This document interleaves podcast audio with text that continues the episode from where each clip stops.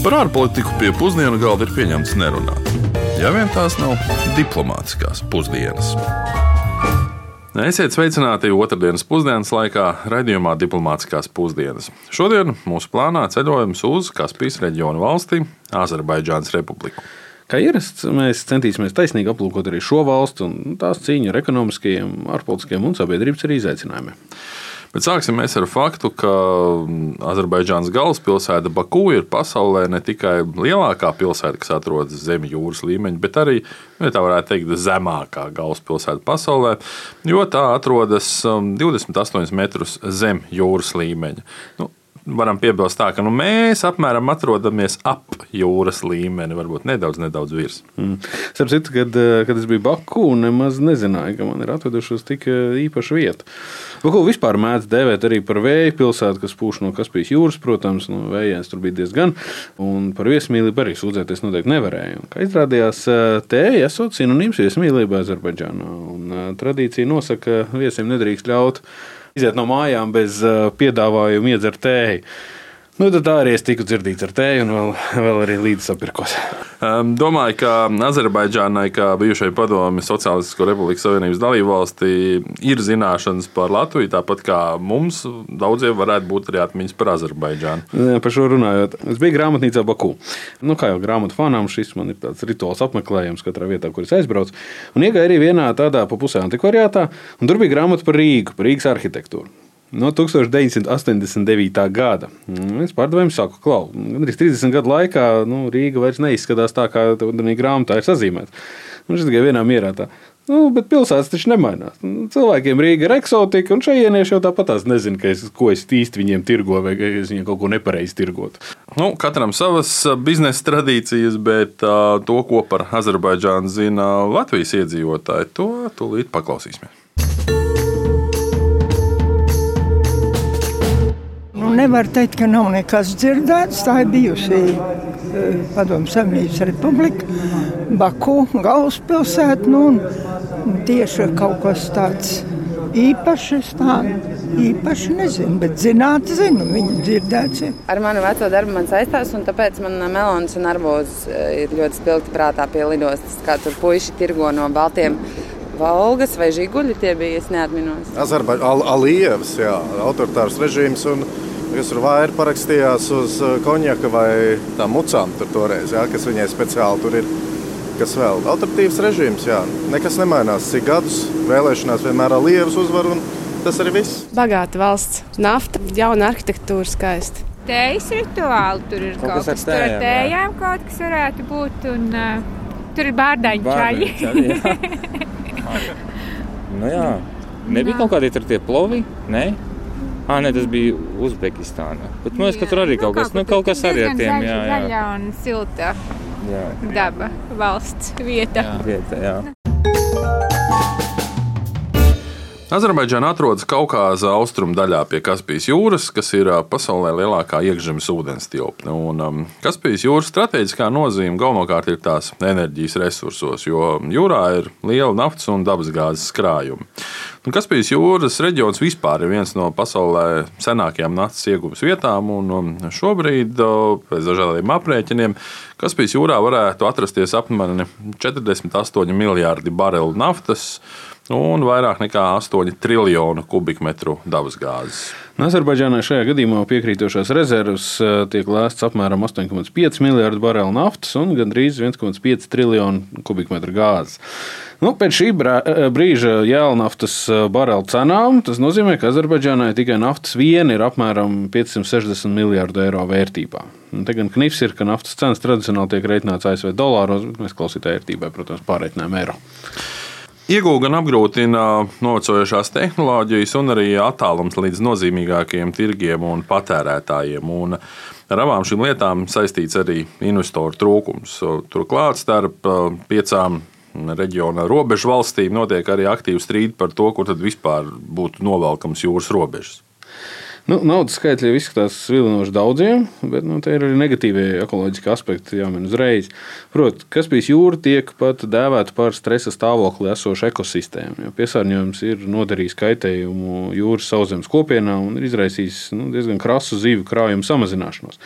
Astrahaņas vidas centrs Krievijā citu, ir pierādījis toksisku vielu uzkrāšanos daudzos Kaspijas jūras ūdens tilpņu organismos. Nu jā, starp citu, Baltijas jūra arī nemaz nav tik spožā ekoloģiskā stāvoklī, kā varētu gribēties.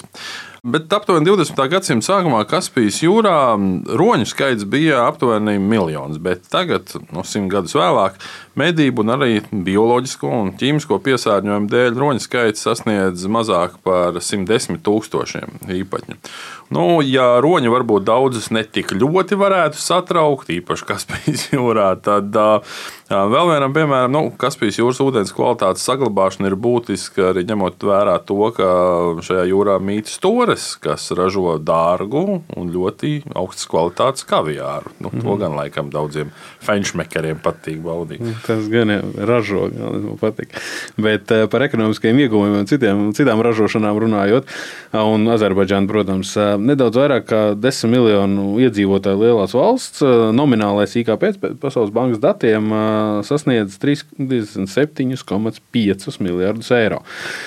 Nu, Latvijas tikmēr ir relatīvi tikai nedaudz mazāks. Tas ir 29,3 miljardi eiro pēc tiem pašiem datiem. Un, kā varat saprast, tad eh, Latvija ir apmēram četras reizes bagātāka, ja skatītos pēc IKP uz vienu iedzīvotāju.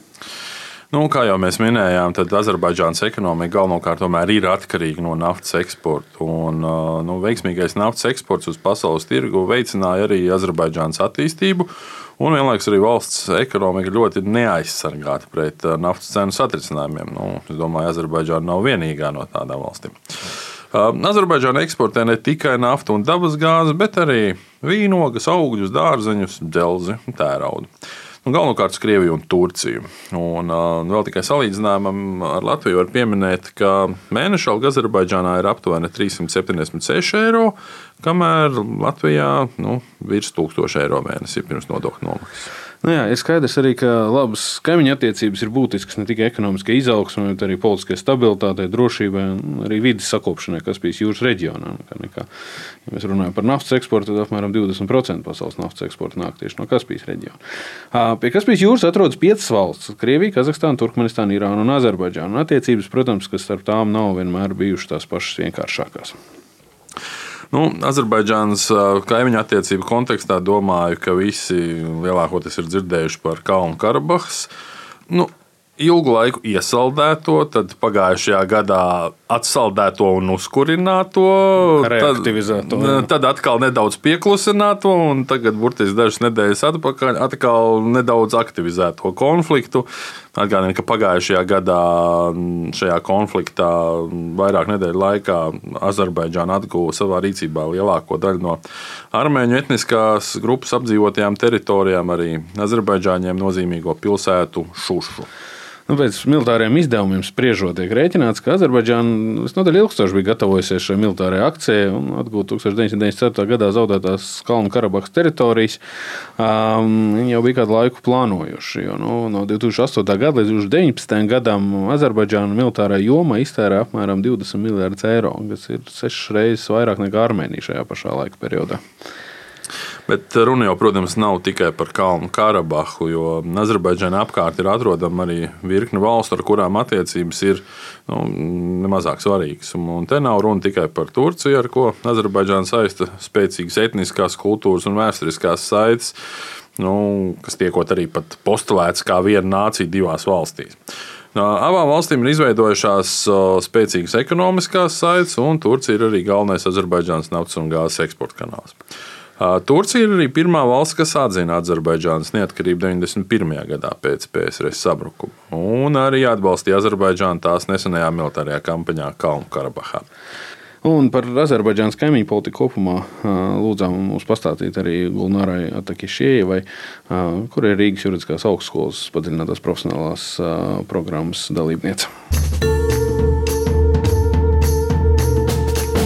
Azerbaijan, that has proven itself as a reliable partner on the global scale, has the reputation of the region's locomotive. Azerbaidžāna globālajā līmenī ir pierādījusi sevi kā uzticamu partneri, un te ir reģiona lokomotīvas reputācija. Azerbaidžānai kā lielākai Kaukāza reģiona valstī ir bijusi konstruktīva loma veidojot ekonomiskās attiecības ar visu reģionu valstu nozīmīgāko sabiedroto Eiropas Savienību. Azerbaidžāna ir atjaunojusi savas starptautiski atzītās robežas un turpina būt Dienvidkaukāza ekonomiskais līderis. Azerbaidžānai ļoti labvēlīgs ir tās geogrāfiskais novietojums, kas atrodas ziemeļu un dienvidu, austrumu un rietumu tirzniecības ceļu kruspunktā. Tieši tāpēc ir veikti nozīmīgi ieguldījumi dažādos infrastruktūras projektos, piemēram, ostās un dzelzceļā. Azerbaidžāna spēlē arī ļoti nozīmīgu lomu, nogādājot Kaspijas energoresursus uz Eiropas Savienības tirgu un pašlaik tā nodrošina aptuveni 5% no visām Eiropas naftas piegādēm. Dienvidu gāzes koridors, kura celtniecība tika pabeigta 2020. gadā, ir strateģisks mēģinājums nogādāt Kaspijas jūras gāzi Eiropas tirgū, tāpēc tas ir uzskatāms par nozīmīgu instrumentu Eiropas enerģētiskajai drošībai. Attiecības ar kaimiņu valstīm ir svarīgas ne tikai ekonomiskajā, bet arī politiskajā ziņā. Galu galā arī kaimiņu valstīm ir ļoti liela daļa Azerbaidžānas eksportā. Ja runājam par par Azerbaidžānas attiecībām ar Turciju, tās ir pat vairāk par ekonomiskām un politiskām attiecībām. Turcijas kapitāls ir novērojams rūpniecībā, tirzniecībā, pakalpojumu un transporta sfērā, lauksaimniecībā un citās jomās. Tā tiešām ir uzskatāma par brālīgu tautu, kas ļoti aktīvi iegulda arī dažādos ar naftu nesaistītos sektoros. Abas valstis saista gan enerģijas, gan transporta infrastruktūras projekti, un šāda sadarbība nozīmē drošību un ienākumus visiem šajos projektos iesaistītiem. Pēc uzvaras otrajā Karabahas karā dzelzceļš uz Nakšķivanu vēl vairāk uzlabos satiksmi ar Turciju. Vēl jo vairāk Azerbaidžānas ierosinātāka 3 plus 3 reģionālā sadarbības platforma vēl vairāk veicinās divpusējo sadarbību ar reģiona valstīm, palielinās turistu plūsmu un vairos Nakšķivanas transporta koridoru strateģisko nozīmi. Liela nozīme ne naftas produktu eksportā ir arī Krievijai, jo 40 45% no Krievijas tirzniecības ar Dienvidkaukāzu nonāk tieši Azerbaidžānā. Abu valstu investīciju vidē ir novērojama ļoti laba dinamika. Azerbaidžāna Krievijā ir ieguldījusi vairāk nekā 1,2 miljārdus dolāru, bet Krievija Azerbaidžānā gan arī 5 miljārdus. Labas ekonomiskās un politiskās attiecības Azerbaidžānai ir arī ar Gruziju. Tajā darbojas aptuveni 700 Azerbaidžānu uzņēmumu un aptuveni 300 kompāniju no Gruzijas darbojas pie mums. Abu pušu veiksmīgas sadarbības rezultātā tranzīta kravu apjoms ir ievērojami palielinājies un sadarbība ir veiksmīga arī enerģētikas jomā. as well as in the fields of the energy and transport. Vēl viena lieta, ko mēs tomēr man gribētos aplūkot šajā mūsu raidījumā par Azerbaidžānu, ir sieviešu vieta un loma. Jo Azerbaidžāna ir musulmaņu valsts, un 1918. gadā Azerbaidžāna kļuva par pirmo musulmaņu vairākumu valsti, kas piešķīra sievietēm vispārējās vēlēšana tiesības. Un Azerbaidžāna arī šobrīd tiek uzskatīta par vienu no dzimumu līdztiesīgākajām musulmaņu valstīm. Vienlaicīgi valstī, protams, joprojām ir sastopama arī dzimumā balstīta ierobežojuma un sieviešu diskriminācija. Vardarbība ģimenēs arī ir vēl joprojām izplatīta parādība, un tā bieži tiek uzskatīta par nu, privātu raksturu jautājumu. Proti, pētījumā vardarbība dzimuma dēļ Azerbaidžānā 2020. 64% aptaujāto atbalstīja dzimumu līdztiesību, bet 28% no aptaujātajiem vienlaikus piekrita apgalvojumam, ka sieviete dažreiz ir pelnījusi tikt sista. Un, uh, par sieviešu lomu Azerbaidžānas sabiedrībā mēs savukārt lūdzām pastāstīt arī Zumai Jalīlovai, uh, daudzveidības un iekļaušanas konsultantei Lielbritānijas kompānijā Clear Company un arī ilglaicīgai dzimumu līdztiesības jautājumu pētniecei no Azerbaidžānas.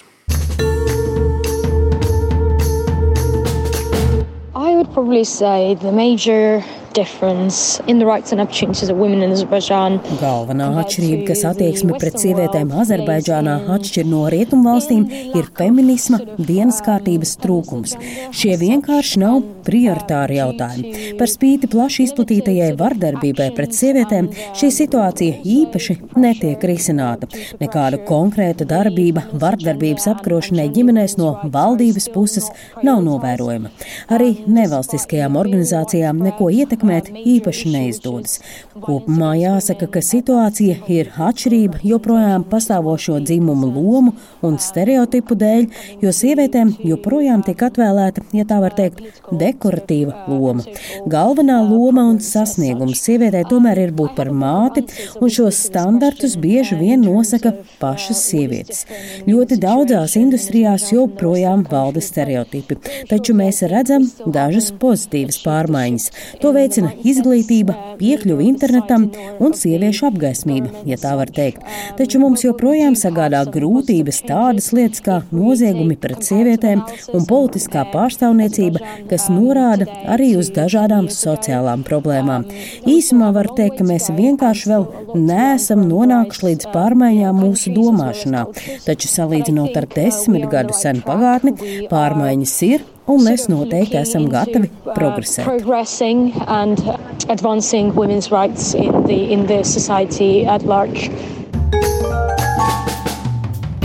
Rezumējot, jāsacina, ka Azerbaidžāna noteikti nav valsts, ar kuru varētu nerēķināties reģionālajā politikā.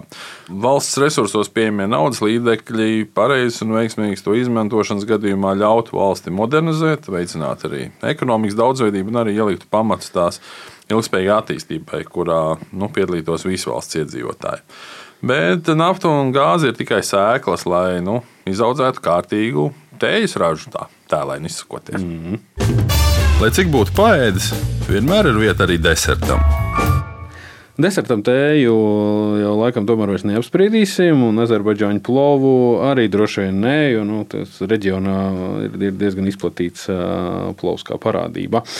Bet par paklāju aušanu gan varētu parunāt. Mm, Baku atrodams Azerbaidžānas Nacionālais paklāju muzejs. Tas pilnā nopietnībā. Tas pat arī bija viņa. Pat ēka ir būvēta, lai izskatītos pēc sarulēta paklāja. Un Azerbaidžānas paklāja aušana ieņem visnotaļ īpašu vietu Azerbaidžānas tautas nacionālajā kultūras vēsturē un ir arī nācijas simbols. Nu, pretēji manai sākotnējai skepsei, muzejs tiešām ir interesanti veidots, lai izstāstītu stāstu, ka šādam audumu gabalam ir bijusi ne tikai kultūras, bet arī ekonomiskā un politiskā nozīme. Es gan tomēr eh, ne par paklājiem gribētu runāt desertā. Uz tiem, protams, var tīri labi sēdēt un ēst, bet um, man desertā prasās kas pavisam ugunīgs. Un, un, un tāpēc, kā Azerbaidžānas moto ir uguns zeme. Un uguns zeme tā ir Janārdaga dēļ. Nu, Janārdaga ir pakalns, kas atrodas uz ziemeļiem no Baku. Un ap šo desmit metrus garo uguns sienu gaiss vienmēr ir smags un ar tādu izteiktu gāzes smaku. Un, Vietējā leģenda vēsta par kādu neuzmanīgu ganu, kura izmestais kūpošais sērkots viņš piešķīla uguni.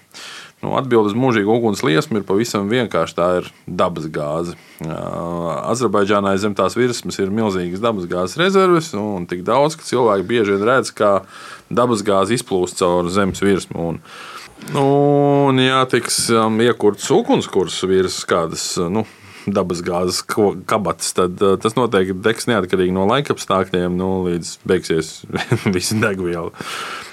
Un šī ugunīgā fakta arī izskan mūsu deserts un raidījums. Um, raidījumu veido es, Kārlis Bukovskis no Rīgas Tradiņu universitātes un Uģis Lībēs no Tīs radio. Un paldies mums izsakam arī par atbalstu Rihardam Plūmēm par intervijām un Paulai Patrīcijai Avotiņai par saturisko pienesumu. Lai jauka nedēļa! Vēl tikai atgādināšu, ka mūsu raidījumu varat klausīties Latvijas radio atkārtojumos, mūsu mājaslapā, portālā LSMLV un arī jūsu iecienītajos mūzikas straumēšanas kanālos, podkāstu formā. Uz tikšanos nākamnedēļ Nigērijā. Diplomātiskās pusdienas katru otrdienu pusdienos Latvijas Radio 1.